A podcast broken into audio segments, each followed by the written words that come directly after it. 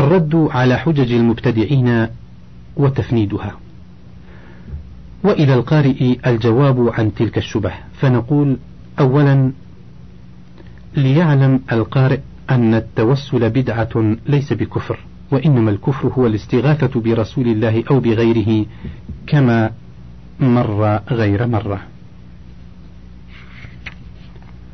وثانيا ليس في التوسل بالأموات حديث صحيح أو حسن وكل ما يريدونه إما ضعيف أو موضوع. أولا فأما حديث الاحتجاج بتوسل آدم فقد سبق الجواب عنه. ثانيا وأما حديث اللهم إني أسألك بحق السائلين فإنه ضعيف.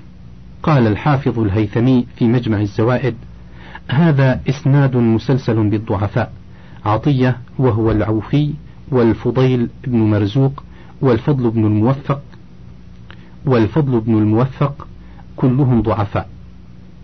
وعلى تسليم أنه مختلف في الفضيل بن مرزوق فضعفه ابن حبان والنسائي وأبو حاتم ووثقه ابن معين. قال ابن حبان فيه يروي عن عطية العوفي الموضوعات وهو في هذا الحديث عن عطية العوفي. فإن الجرح مقدم على التعديل على أننا لو سلمنا لو سلمنا بصحة الحديث فإنا لا نسلم أن حق السائلين مخلوق. إذ حقهم هو إجابة الله وإعطاؤهم سؤالهم وهما, صف وهما صفتان له تعالى. فحق الخلق قد يكون صفة من صفات الله. قال تعالى وكان حقا علينا نصر المؤمنين. ثالثا والجواب عن حديث فاطمة بنت أسد أنه ضعيف أيضا فإن فيه روح بن صالح المصري وهو ضعيف وعلى فرض تسليم صحته فحق الأنبياء غير مخلوق كما قدمنا في حديث اللهم إني أسألك بحق السائلين. بل إنه صفة من صفات الله تعالى وهو نصرته للأنبياء وإرضاؤهم وإعلاؤهم على أعدائهم. رابعا وأما احتجاجهم على الاستغاثة بقوله تعالى في قصة موسى فاستغاثه الذي من شيعته فما أسمجه من استدلال وما أبرده لأنها استغاثة حي بحي فيما يقدر عليه وليس في هذا خلاف على أن فعل الرجل الإسرائيلي ليس بحجة وإجابة موسى له وتقريره عليه ليس بحجة لأن ذلك قبل أن يوحى إليه. وسكوت الأنبياء قبل بعثهم لا يدل على جواز المسكوت عنه وبعد ذلك كله ليس هو في شريعتنا. خامسا وأما احتجاجهم بقوله تعالى ولو أنهم إذ ظلموا أنفسهم الآية فالجواب أن غايتها تعليق غفران ذنوبهم على مجيئهم إليه صلى الله عليه وسلم واستغفارهم الله واستغفار الرسول لهم وأنهم ليموا على ترك ذلك وليس فيها أنهم طلبوه ولا أمروا أن يطلبوه. وثانيا أن الآية معلقة ذلك على إتيانه صلى الله عليه وسلم وإتيانه غير متأت بعد موته إذ لا يمكن إلا إتيان قبره. ومن أتى القبر لا يقال أنه أتى صاحب القبر إلا على سبيل التسامح والتجوز. ثالثا هي واقعة معينة لا تفيد العموم بمعناها ولا لفظها وقعت في حياته صلى الله عليه وسلم فمن أين أخذوا التعميم في الحياة والممات؟ ولو دلت على العموم في الحياة والممات لكانت مخصصة ومقصورة على الحياة ودليل التخصيص الأخبار الشرعية الدالة أن الأموات لا يسمعون ولا يجيبون. قال تعالى إن الله يسمع من يشاء وما أنت بمسمع من في القبور. وفي الحديث الذي رواه مسلم إذا مات ابن آدم انقطع عمله إلا من ثلاث صدقة جارية أو ولد صالح يدعو له أو علم ينتفع به. ولأن الصحابة ومن بعدهم ما فهموا شمولها للموت ولذا لم يدعوه صلى الله عليه وسلم ولم يأت إلينا أنهم دعوه بعد الموت كما قد أتى إلينا أنهم سألوه الدعاء في حياته صلى الله عليه وسلم. حديث القليب تعلق القبوريون المبتدعون بحديث القليب أن الموتى يسمعون لأن النبي صلى الله عليه وسلم أجاب عمر ما أنتم بأسمع لما أقول منهم؟ وبحديث وأنه ليسمع الآن قرع نعالهم إذ أتاه الملكان. فاحتجوا على سماع الأموات بهذين الحديثين وإذا كانوا يسمعون فيجيبون الداعين لهم والمستغيثين بهم فيقضون حوائجهم. وينال المستغيث بغيته والطالب منهم ضالته وقصده. كما استدلوا بذينك الحديثين على ندب قراءة الأحياء على قبور الموتى. والجواب أن حديث القليب وقع معجزة لرسول الله صلى الله عليه وسلم وخوارق العادات لا يقاس عليها فكيف والله يقول وما, وما يستوي الأحياء ولا الأموات إن الله يسمع من يشاء وما أنت بمسمع من في القبور وأما الحديث الثاني فالجواب أنه مقيد بتلك الساعة التي سيأتيه الملكان وليس سماعه في كل وقت وإذا أردت هذا البحث لتروي غليلك وتشفي عليلك فارجع إلى رسالة الآيات البينات في عدم سماع الأموات للعلامة الآلوسي رحمه الله. سادسا: وأما قولهم لا فرق بين الأحياء والأموات في جواز التوسل والاستغاثة وما ثبت لأحد المثلين ثبت للآخر. وقد ثبتت حياة الأنبياء في قبورهم لأنهم أعلى مقاما من الشهداء فجازت الاستغاثة والتوسل بهم وبالشهداء والأولياء. فالجواب أن هذه المقالة مصادمة للقرآن صريحا. لأن القرآن يقول وما يستوي الأحياء ولا الأموات إن الله يسمع من يشاء وما أنت بمسمع من في القبور ويقول فإنك لا تسمع الموتى ولا تسمع الصم الدعاء إذا ولوا مدبرين فسبحان الله الذي أعمى بصائر هؤلاء القبوريين الدجاجل الدجاجلة المضلين حتى سووا بين الأحياء والميتين بل قالوا إن الأرواح بعد مفارقة الأجسام باقية وتتصرف التصرف التام. فعلى عقولهم العفاء والدمار فما أجهل هؤلاء وما أكثرهم فلو كانوا أحياء كما زعم هؤلاء لما جاز دفنهم وتقسيم أموالهم وتزوج نسائهم بالنسبة لغير الرسول صلى الله عليه وسلم. وإنا نرى الميت يهان ويوطأ وهو لا يتحرك ولا يدفع عن نفسه. أتراه رضي لها الهوان؟ ولا أظن أن سمع الناس أبطل من هذا الكلام وأفسد من هذا القياس. سابعا. وقولهم إن الأرواح تتصرف بعد مفارقة الأجسام لأنها حية فكلام باطل. وأي تصرف لها؟ وهل يلزم من حياتها أن تكون قادرة مجيبة للمستغيثين والسائلين؟ ولو جاز لنا أن نستغيث بهؤلاء لأنهم أحياء جاز لنا أن نستغيث بالملائكة الذين لا خلاف في حياتهم وبالحور والولدان وبأرواح الكفار وبالجان لأنهم أحياء. سبحانك هذا بهتان عظيم. لا يقول هذا إلا من سفه نفسه وتجرد من عقله. اللهم اهدهم إلى صراط الحق والطريق المستقيم. ثامنا. وأما حديث إذا أعيتكم الأمور فإنه مكذوب. ومن ومن وضع الزنادقة الذين قصدوا إفساد الدين. تاسعا. وحديث توسل بجاه موضوع لم يختلف في وضعه اثنان.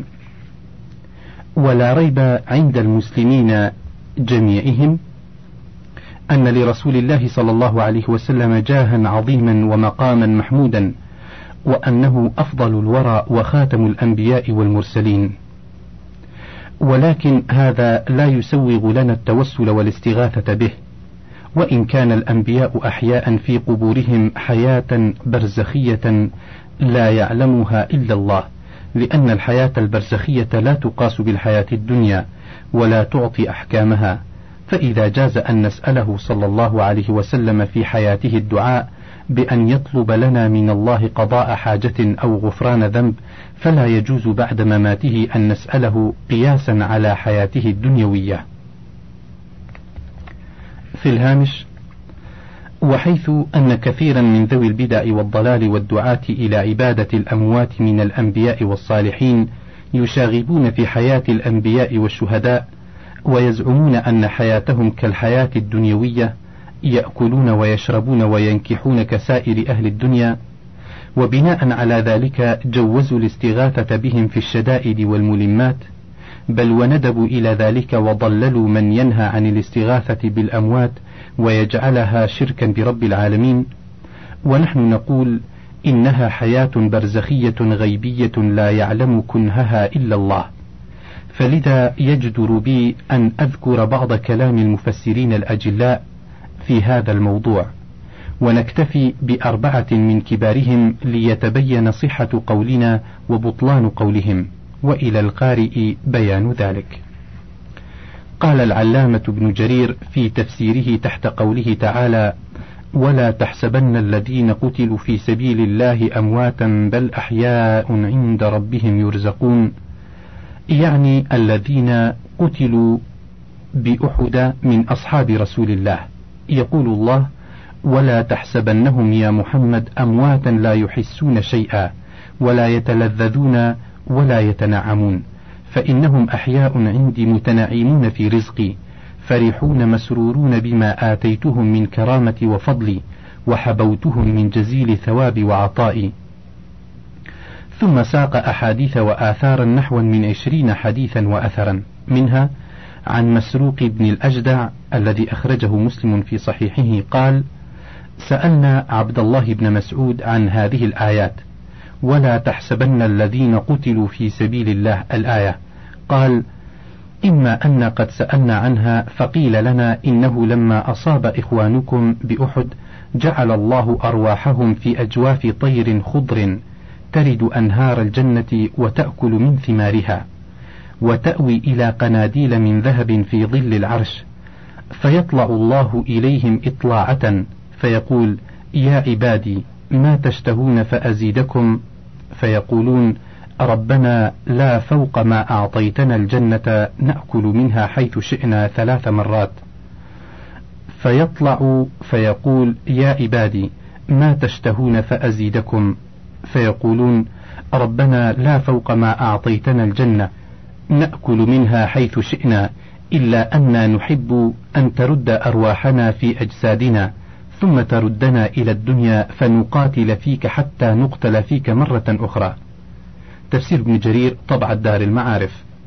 وقال الحافظ ابن كثير في تفسير الآية: يخبر الله تعالى عن الشهداء بأنهم وإن قتلوا في هذه الدار فأرواحهم حية مرزوقة في دار القرار.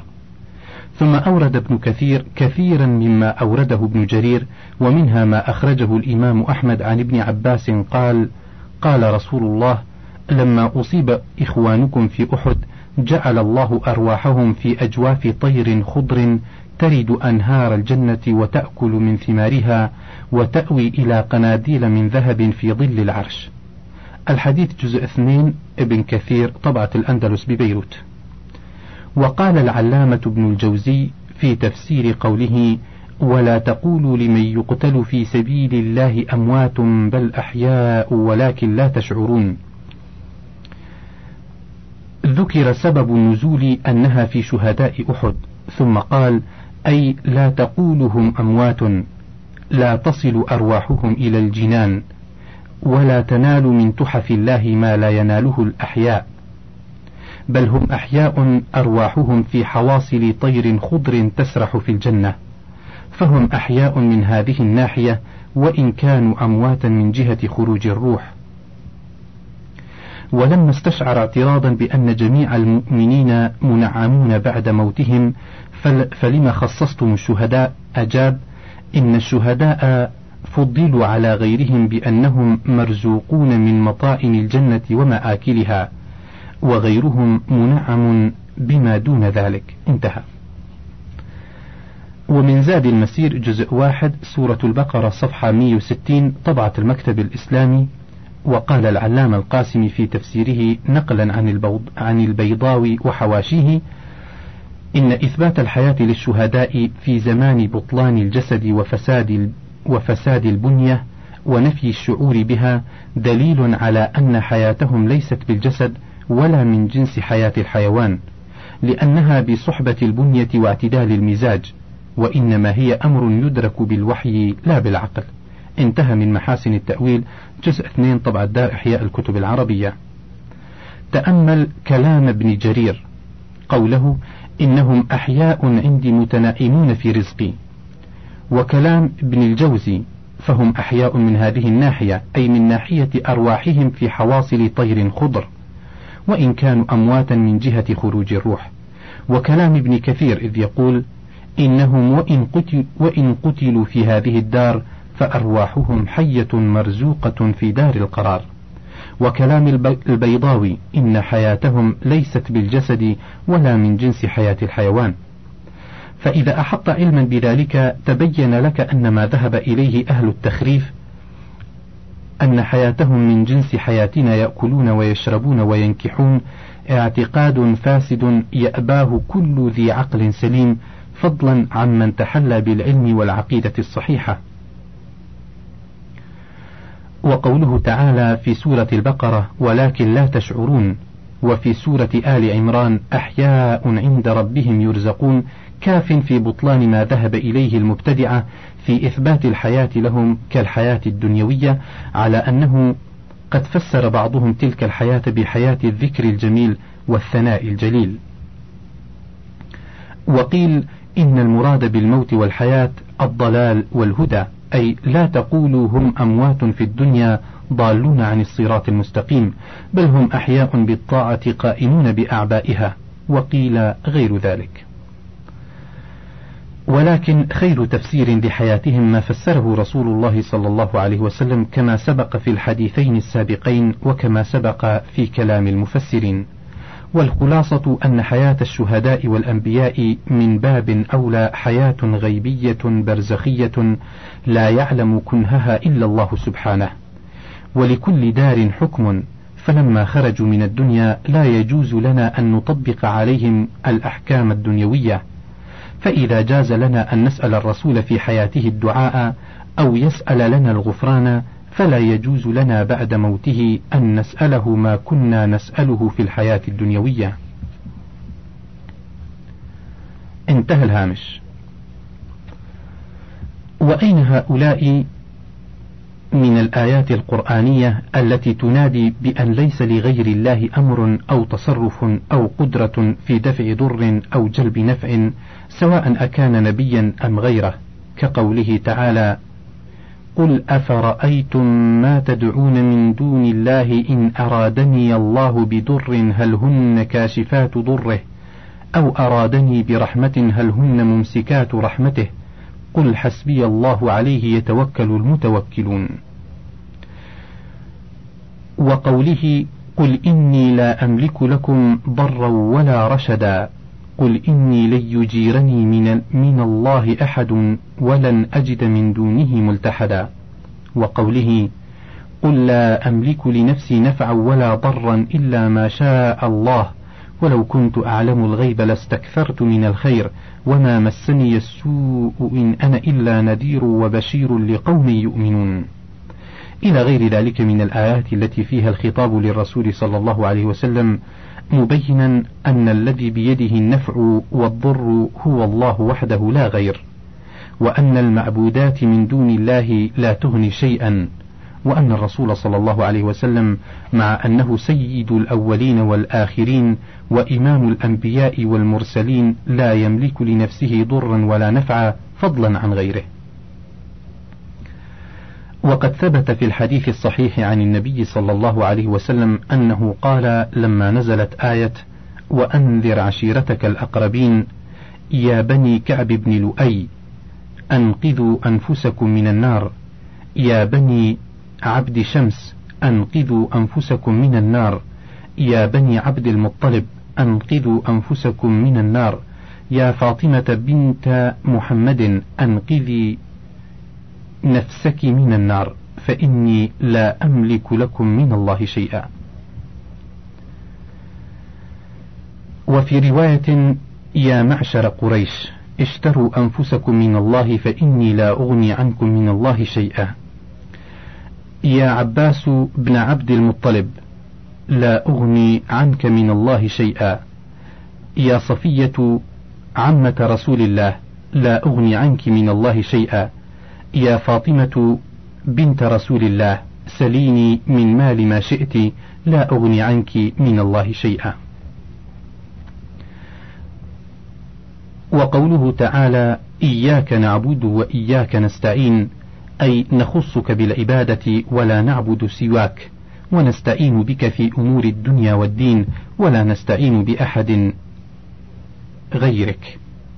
وحديث إذا سألت فاسأل الله وإذا استعنت فاستعن بالله. رواه الترمذي وقال حديث حسن صحيح. قوله إذا سألت فاسأل الله وإذا استعنت فاستعن بالله. لو تدبر هؤلاء المبتدئون تلك الآيات والأحاديث. وراجعوا تفاسير الأئمة المحققين على تلك الآيات وشروح تلك الأحاديث شروح الأجلاء المعتبرين. لعلموا أن توسلاتهم بالرسول أو بالأنبياء والصالحين ليس لها أصل في الدين وأن الاستعانة بهم من الشرك والكفر المبين. ولي الله وولي الشيطان.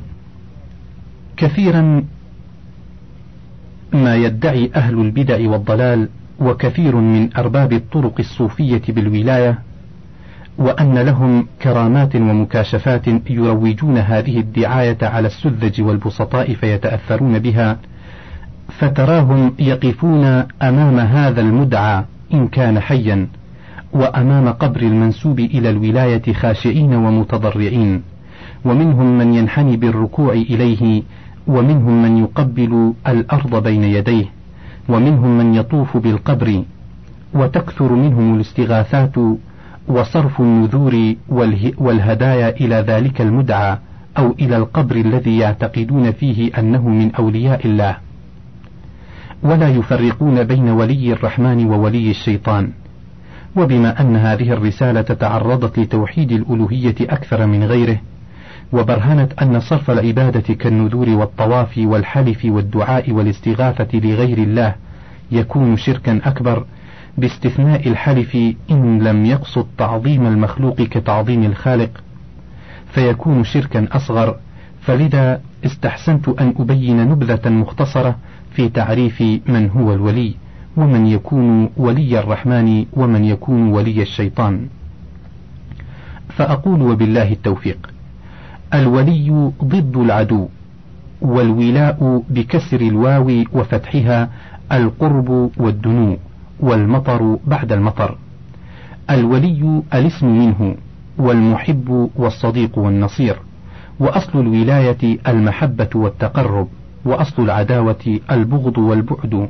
والمراد بولي الله العالم بالله تعالى المواظب على طاعته المخلص في عبادته كما في فتح الباري. وأحسن تعريف وبيان للولي ما جاء به القرآن. قال الله تعالى ألا إن أولياء الله لا خوف عليهم ولا هم يحزنون. الذين آمنوا وكانوا يتقون. لهم البشرى في الحياة الدنيا وفي الآخرة. لا تبديل لكلمات الله ذلك هو الفوز العظيم. وقال تعالى إنما وليكم الله ورسوله والذين آمنوا الذين يقيمون الصلاة ويؤتون الزكاة وهم راكعون. ومن يتولى الله ورسوله والذين آمنوا فإن حزب الله هم الغالبون.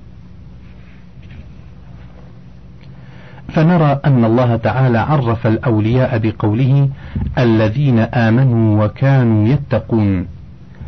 فكلمة الذين آمنوا يشمل الإيمان بالله ورسوله والملائكة والكتب واليوم الآخر والقضاء والقدر. فالإيمان بالله لا يحصل إلا بتوحيد ربوبيته وألوهيته وأسمائه وصفاته.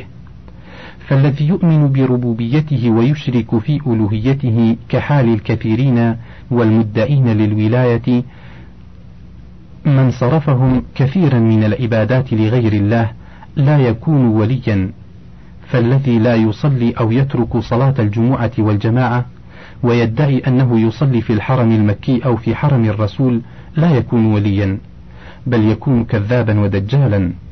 والذي يرضى بأن ينحني له بالركوع أو بتقبيل الأرض بين يديه أو بالاستغاثة به أو بالنذر له أو يقول للتلميذ إذا أصابتك شدة فاستغث به وادعني فأنا أطلب من الله أن يفرج عنك تلك الشدة أو يعطيك ما تريده فإن جاهي عند الله عظيم حتى إن بعضهم يدعي علم الغيب. حكى لي بعض أهل العلم أن سيدا من سادات حضرموت كان معظما وكانت العامة تعتقد فيه الولاية حتى بلغ من أمره أن جاءه رجل فقال يا سيد الشيخ إن ابني قد سافر منذ سنين ولا أدري أهو حي أم ميت لأن أخباره قد انقطعت. فسكت الشيخ مليا وخفض رأسه وبعد دقائق رفع رأسه فقال دخلت الجنة فلم أجد ابنك ودخلت النار فلم أجده فابنك حي يرزق. وبعضهم يدعي أنه رفع, السما رفع سبع السماوات الشداد وبسط الأراضين وبعضهم يقول إنه يأخذ علمه من اللوح المحفوظ وبعضهم يدعي أنه لا يفارق الرسول لا في اليقظة ولا في المنام وأنه يسأل الرسول فيما يشكل عليه. ولا يعتبر علماء الفقه والحديث ويقول هؤلاء أهل الظاهر ونحن أهل الباطن وهم عندهم القشور ونحن عندنا اللباب. وأمثال هذه الدعاوي العريضة الطويلة كثيرة فضلا عن اعتقاد بعضهم بالحلول ووحدة الوجود ويعني أن الخالق والمخلوق واحد كقول بعضهم الرب عبد والعبد رب وليت شعري من المكلف. فقل لي بربك أمثل هؤلاء يكونون أولياء لله كلا وألف كلا بل هؤلاء أولياء الشيطان؟ لأنهم لم يؤمنوا إيمانا كاملا. فقد شرط الله لثبوت الولاية شرطين.